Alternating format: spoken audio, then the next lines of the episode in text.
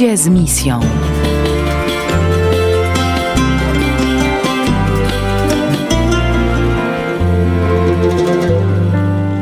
Dobry wieczór Państwu.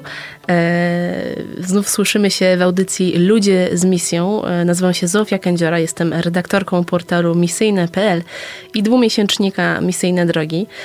Z nami e, w studio jest wyjątkowy gość, Magdalena Plekan, świecka misjonarka, kombonianka, która była ponad 4 lata na misji w Etiopii. Obecnie Obecnie jest w Polsce. Witaj Magda. Witaj. Miesiąc temu już tak naprawdę można powiedzieć, e, no już wróciłaś e, do Polski. E, pogoda się zmienia, jest chyba tak bardzo ciepło jak w Etiopii teraz, co nie? O, teraz tak, czuję jak sportem jak w Etiopii. Jest obecnie właśnie już czerwiec się zaczął, także już ponad 30 stopni. Magdalena, jesteś, e, jesteś fizjoterapeutką e, i tym się też zajmowałaś e, na misji, prawda? Mhm. Tak, to było moje główne zajęcie. Też jako świeccy misjonarze często nie jedziemy typowo do pracy duszpasterskiej, ale właśnie do wykonywania swojego zawodu, tam gdzie jest potrzeba. I pracowałeś w szpitalu? To nie do końca był szpital, to był taki ośrodek zdrowia dla chorych i umierających, prowadzony przez misjonarki miłości. E, gdzie mieliśmy przede wszystkim pacjentów, którzy są albo bezdomni, albo pochodzą z takich najuboższych rodzin, którzy nie są w stanie sobie pozwolić na na pójście do normalnego szpitala, za który trzeba zapłacić. Mhm. A, I to było główne twoje zadanie, tak, żeby e, no, no, tą rehabilitację prowadzić, ale jak to chyba bywa na misji, nie, nie tylko pewnie o rehabilitację chodziło, tylko też pewnie o, o myślę, że o spędzenie czasu e, i ewangelizację, prawda? Mhm. Tak, jakby fizjoterapia to była takim środkiem często do wielu innych rozmów, czy, e, czy do wzbudzenia zaufania tych ludzi. Czasami w czasie tej terapii, gdzie widzieliśmy się codziennie, jakby pacjenci zaczynali się otwierać, też dzielić się swoimi problemami i też była to okazja, żeby rozmawiać o Bogu i, i przybliżać ich do Niego, ich do Niego, ale też często oni sami dawali mi ogromne świadectwo, jakby umacniali moją wiarę. E, no właśnie, Magdalena, pisałaś e, w czasie swojego pobytu w Etiopii e, tekst do blogów misyjnych, które można znaleźć na portalu misyjne.pl. No i tak się składa, że, no, że jakby wiemy na bieżąco, co się u ciebie działo. Miałaś różne przygody. W większości czasu spędzałaś właśnie w tym mieście Awasie, tak? Hmm, tak. To jest miejsce, w którym był właśnie ten ośrodek. Tak, to była jakby docelowa misja. Tam jest nasza wspólnota świeckich misjonarzy kombunianów. I właśnie tam jest jeden z ośrodków sióstr, w którym pracowałam. E, wspomniałaś, że e, w tym ośrodku, w którym pracowałaś, e, były też osoby, które po prostu umierały, także myślę, że te doświadczenia nie były łatwe wiele razy. I w swoim blogu też ostatnim napisałaś, że, no, że te doświadczenia nie były do ciebie, dla ciebie takie do końca negatywne, bo masz też taką nadzieję, że, no, że spotkasz się z tymi ludźmi, których spotkałaś jeszcze w przyszłości. Mm. E, tak, jakby ten ośrodek sióstr założenia był skierowany do osób takich najciężej chorych, które nie mają prawie szans na wyleczenie. E, mieliśmy tam sporo pacjentów z HIV, część już w takich ostatnich stadiach AIDS, część z nowotworami, e, część z, z wyniszczoną wątrobą w wyniku picia alkoholu. Więc jakby tych część tych pacjentów umierała i to tak no, często na naszych oczach. E, z wieloma z nich się znam od jakiegoś dłuższego czasu, bo przechodzili przez regularnie co, co kilka tygodni, co kilka miesięcy, aż w końcu odchodzili w ośrodku. E, I to było na początku, na początku pierwsze takie sytuacje były bardzo ciężkie dla mnie, e, ale później też dużo rozmów z siostrami, też wiara ludzi wokół jakoś umocniła mi, że to, to nie jest ostateczny koniec, że, że jednak jest to życie wieczne, w które wierzymy i że jest szansa spotkać się z tymi ludźmi ponownie, tam gdzie już tego cierpienia ich więcej nie będzie. A to ci pomagało pewnie taka ta, ta wiara, nie? W to, że, no, że jednak jest to życie po śmierci. No chyba się pomagała w tym doświadczeniu, bo to myślę, że nie jest łatwe e, no, towarzyszyć tym ludziom no, w takich ostatnich chwilach i w ogóle cierpieniu. E, tak myślę o sobie osobiście, no to myślę, że dla mnie to nie byłoby łatwe, nie? Mimo, że no jestem osobą wierzącą, e, ale trzeba mieć tą szczególną taką wiarę, nie? W, e, w miłość Pana Boga i w to, że no, życie się nie kończy tutaj na ziemi, nie? Myślę, że tobie to pomagało w jakiś szczególny sposób.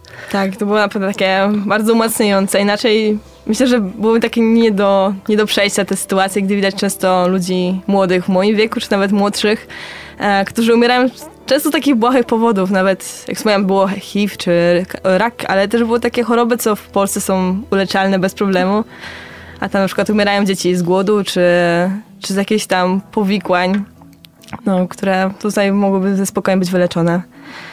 Ale też często wiara tych ludzi jest taka, że, że to jakby wszystko, co mamy jest od Boga, że Bóg dał to życie, ale to też jest tego jednego jego decyzja, czy to jest czas, żeby to życie zakończyło teraz, czy, czy jest jego wolą, żeby to życie trwało dalej.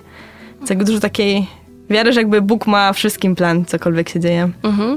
A ta wiara właśnie tych ludzi, e, bo tak można założyć, że pojechałaś tam, żeby ewangelizować, e, ale można wywnioskować z tego, że, e, że sama też dostałaś wiele takich kateches i, i takiej ewangelizacji od tych ludzi, prawda? Mm, tak, zdecydowanie. Zwłaszcza od tych najuboższych, takich, co jakby nie mieli mi nic, tak materialnie, a jednak ta wiara była czymś, co jakby dawała im radość i szczęście i, i trzymała ich przy życiu. Mm, a powiedz, e, czy masz jakieś takie doświadczenie? No, z pewnością masz ponad 4 lata takiej intensywnej pracy w, e, w Etiopii, to jest e, bardzo dużo doświadczeń, myślę. Ale czy są jakieś takie, mm, takie rzeczy, które no, zostaną ze sobą, z tobą na zawsze, nie?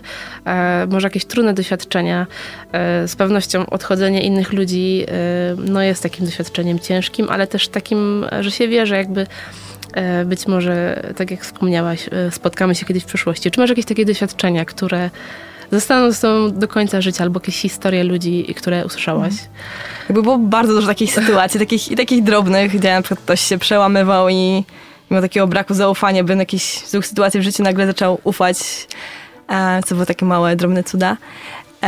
Takim sytuacją, którą ja pamiętam już chyba z pierwszego czy drugiego roku mojej pobytu na misji, E, gdzie trafił do nas chłopak nastoletni z nowotworem kości, już w takim bardzo zaawansowanym stadium. Też taki jakby cierpiał z powodu tego choroby, ale też z tego, że jakby rodzina go odrzuciła. Bo wcześniej jego mama, jego siostra umarli na też nowy nowotwór, więc jakby ojciec nie był w stanie już zaakceptować, że kolejna jego najbliższa osoba umiera. Popadł w alkoholizm i w ogóle odciął się od tego chłopca. Zostawili go u nas w ośrodku i nikt go nie odwiedzał. I jakby bardzo dużo ludzi się modliło i w Etiopii za niego, ale też prosiłam moich znajomych w Polsce, żeby otoczyli go modlitwą. E, I też się wydarzyło takie cuda. Jakby w pewnym momencie się jest możliwość spróbowania operacji. Więc jakby ten tata wtedy tego chłopca przyjechał, był przy nim przez cały czas tego przygotowań do operacji, później w szpitalu, później tej rekonwalescencji. Więc jakby też ta relacja między nimi odbudowywała.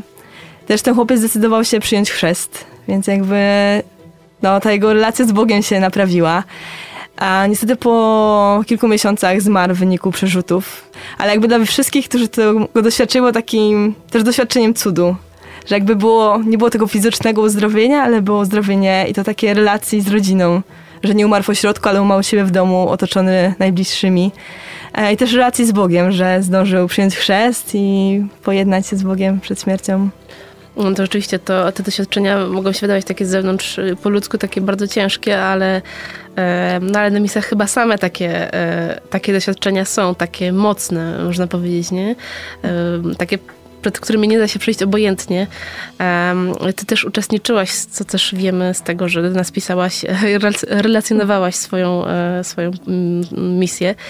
Uczestniczyłaś też e, w, nie tylko właśnie w tej e, rehabilitacji, tej pracy w tym ośrodku, ale także w wielu takich akcjach ewangelizacyjnych. Pisałaś na przykład kiedyś, że byłaś na takiej konferencji, na różnych takich spotkaniach mhm. ewangelizacyjnych związanych właśnie z misjami i chyba ze zgromadzeniem misjonarzy mhm. kombonianów i też chyba z innymi zgromadzeniami misyjnymi. Tam mm. takie spotkania się odbywały. Tak, jakby jako siedcy misjonarze kombonianie jesteśmy częścią takiej wspólnoty międzynarodowej. E, I dwa lata temu mieliśmy takie duże spotkanie w Mozambiku dla wszystkich świeckich misjonarzy, którzy pracują w Afryce. Więc jakby też miałam okazję wraz z, z drugą osobą z mojej wspólnoty pojechać tam i reprezentować Etiopię. Oj. To też było takie piękne wymianie doświadczeń, że każdy mimo że jeden kontynent dla wielu Afryka to jest to jedno i to samo, to jednak są zupełnie różne rzeczywistości, zupełnie różne wyzwania, zupełnie inne radości. E, też miałam okazję być e, w zeszłym roku w Tanzanii, gdzie było e, taka duża ekumeniczna konferencja e, właśnie dotycząca misji. Więc jakby tam przez tydzień z, z ludźmi z całego świata, ze wszystkich możliwych kościołów chrześcijańskich staraliśmy się zobaczyć, jak można tę misję prowadzić wspólnie, żeby dawać chrześci- e, świadectwo, że chrześcijanie są jakby jednością, że nie jest każdy osobny kościół, a że jesteśmy razem i właśnie świadczymy o tym samym Bogu. Tak, to było też takie... No właśnie, a propos tego ekumenizmu i tych, e, że tak powiem, relacji e, międzyreligijnych, e, to jest bardzo ciekawe i też w jednej z audycji właśnie Ludzie z misją rozmawiałam z księdzem właśnie Etiopczykiem, który mhm. mówił w kontekście świąt wielkanocnych o tym, że w Etiopii jest troszeczkę inaczej, jeśli chodzi o kalendarz, prawda? Przynajmniej jeśli chodzi na przykład o święta wielkanocne, w Etiopii one chyba są tydzień później, prawda? To zależy w sumie od roku, bo jakby przez to, że Kościół katolicki w Etiopii jest niecałe 1% społeczności, podążamy tym samym kalendarzem co prawosławni, którzy są głównym wyznaniem w tam w kraju. Więc jakby Wielkanoc wypadała w tym roku tydzień później, a to czasami wypada kilka nawet tygodni różnicy. Raz była taka sytuacja, że w Polsce już była niedziela palmowa, u nas dopiero w tym samym tygodniu była środa popielcowa, więc nawet są spore Kos, różnice. Kosmos. tak, tak samo też na przykład Boże Narodzenie jest dwa tygodnie później niż w Polsce. Też są obchodzone święta, które jakby w polskiej tradycji nie są takie, takim wielkim wydarzeniem, a tam jest e, ogromna uroczystość ze względu na to, że prawosławny kościół tak. to bardzo świętuje. Ja na przykład święto Tymket, święto Chrztu Pańskiego, które jest przeogromną uroczystością, bardzo kolorową, z mnóstwem procesji, czy też święto odnalezienia Krzyża Pańskiego we wrześniu. A, a, co, to, co to za święta? Mogłaś powiedzieć o tym trochę więcej? E, o to święto odnalezienie Krzyża Świętego. Mhm. E, tam jest taka bardzo silna tradycja, że e, święta Helena odnalazła krzyż. Mhm. E, to było na jakiejś zasadzie, że gdzieś tam się modliła o to i był taki znak, że dym doprowadził ją do, do tego miejsca, gdzie ten krzyż jest ukryty. E, I od tego czasu Etiopczycy świętują właśnie zapalając takie wielkie ogniska, zawsze w jakimś centralnym punkcie miasta czy wioski i później też roznosząc te domy przed swoje, przed roznosząc ten płomień tak. E, do swoich domów. I w niektórych pełnach to jest prawie cały tydzień świętowania, że tam różne etapy i to wielkie święto. Tak jakby w Polsce się w ogóle nie ma takiego czegoś. No właśnie, to zupełnie inna kultura yy, i to zawsze zostaje. Yy, no właśnie, cztery lata na misjach to jest yy, szmat czasu, jeśli można tak powiedzieć. I na pewno się zostawiło tam kawałek swojego życia i swojego serca na pewno. Też o tym pisałaś, ale myślę, że to jest chyba oczywiste, mm. że zawiązują się tam relacje i przyjaźnie no takie na całe życie, prawda? Mm. Tak. Tobie się udało nawet zawiązać taką bardziej poważną relację. tak, no takie relacje tam jest, może tak o takich ogólnych relacjach na początku. E, takie relacje jest tam bardzo dużo i też jest tak. bardzo łatwo, bo Etiopczycy są niesamowicie otwartym narodem, e, więc każdy po prostu zagaduje, każdy chce się dowiedzieć czegoś, każdy zaprasza do siebie do domu, więc jest dużo okazji do, do poznania się. E, też tam poznałam swojego przyszłego męża, tak.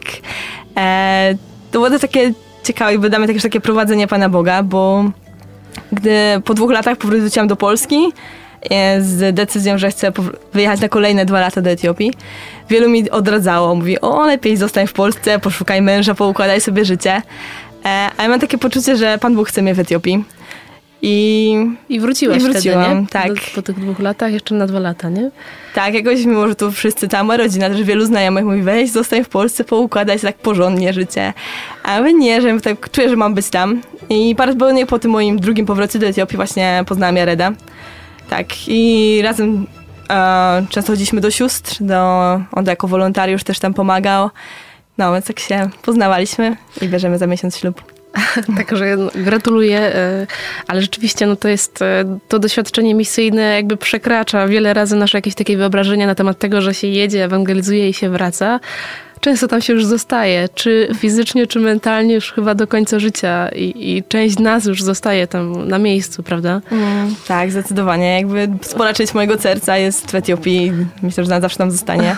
też wiele nawyków, które sobie tam wyrobiłam, jakby tutaj się czuję taka trochę zagubiona, że jest dużo rzeczy, które mimo, to jest mój kraj, Polska, jakby już jest niektóre rzeczy są dziwne, no, że tam były normalniejsze. No także rzeczywiście to jest no, potężne takie doświadczenie. E, mm, jesteś, e, byłaś na misji właśnie e, z ramienia Zgromadzenia Świeckich Misjonarzy Kombonianów i powiedz, no ideą świętego Daniela Komboniego i taką też, takim mottem można powiedzieć właśnie było to hasło zbawić Afrykę przez Afrykańczyków. To jest bardzo piękna idea i powiedz na czym to polegało w praktyce i jak, jak u was to wyglądało? Mhm. E, jakby na przykład w sytuacji księży i i sióstr to już bardzo ładnie funkcjonuje. Jakby coraz więcej jest powołań takich do życia konsekrowanego. E, dla świeckiej jest to wciąż nowe, ale jako świeccy staramy się też e, formować ludzi. W, w stolicy w Addis Abebie i w naszej Ałasie raz w miesiącu prowadziliśmy spotkania takie formacyjne, gdzie zapraszaliśmy i młodych, i starszych, tych, których interesuje e, tematyka misji, żeby przychodzili. Tam mieliśmy spotkanie z misjonarzem, czy też opowiadaliśmy o misji. E, I chcieliśmy w nich taki, wzbudzić takiego misyjnego ducha, żeby się poczuli, że żeby zostać misjonarzem nie trzeba wyjeżdżać, że jakby w ich własnym kraju jest też mnóstwo do zrobienia, że, że mogą też stać się misjonarzami nawet we własnym domu, we własnej pracy, w własnej szkole, czy tam, gdzie, się zda, gdzie, gdzie są na co dzień.